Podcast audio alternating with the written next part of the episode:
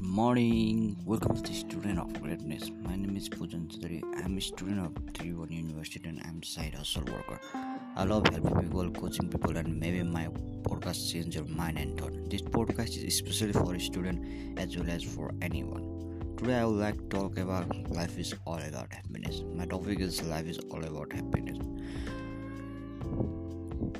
When I was in 10th grade, I asked my science teacher what is life, and he replied the period between the born and death or the experience or state of being alive.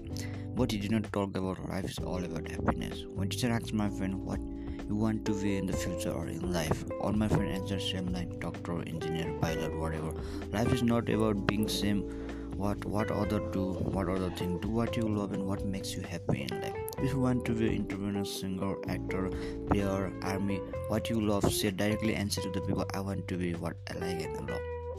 When life is full of irony because what you want and what you get. When you start to work, we need fast result and we see always what we and what we get because lack of passion and hard work. Hard work and passion is the key of success life which makes you happy.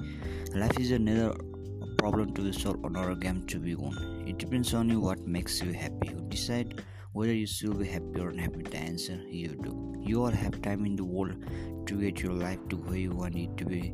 No matter what happens in life, if you are good enough, nobody is stopping you. Don't let the darkness of some people harden your heart.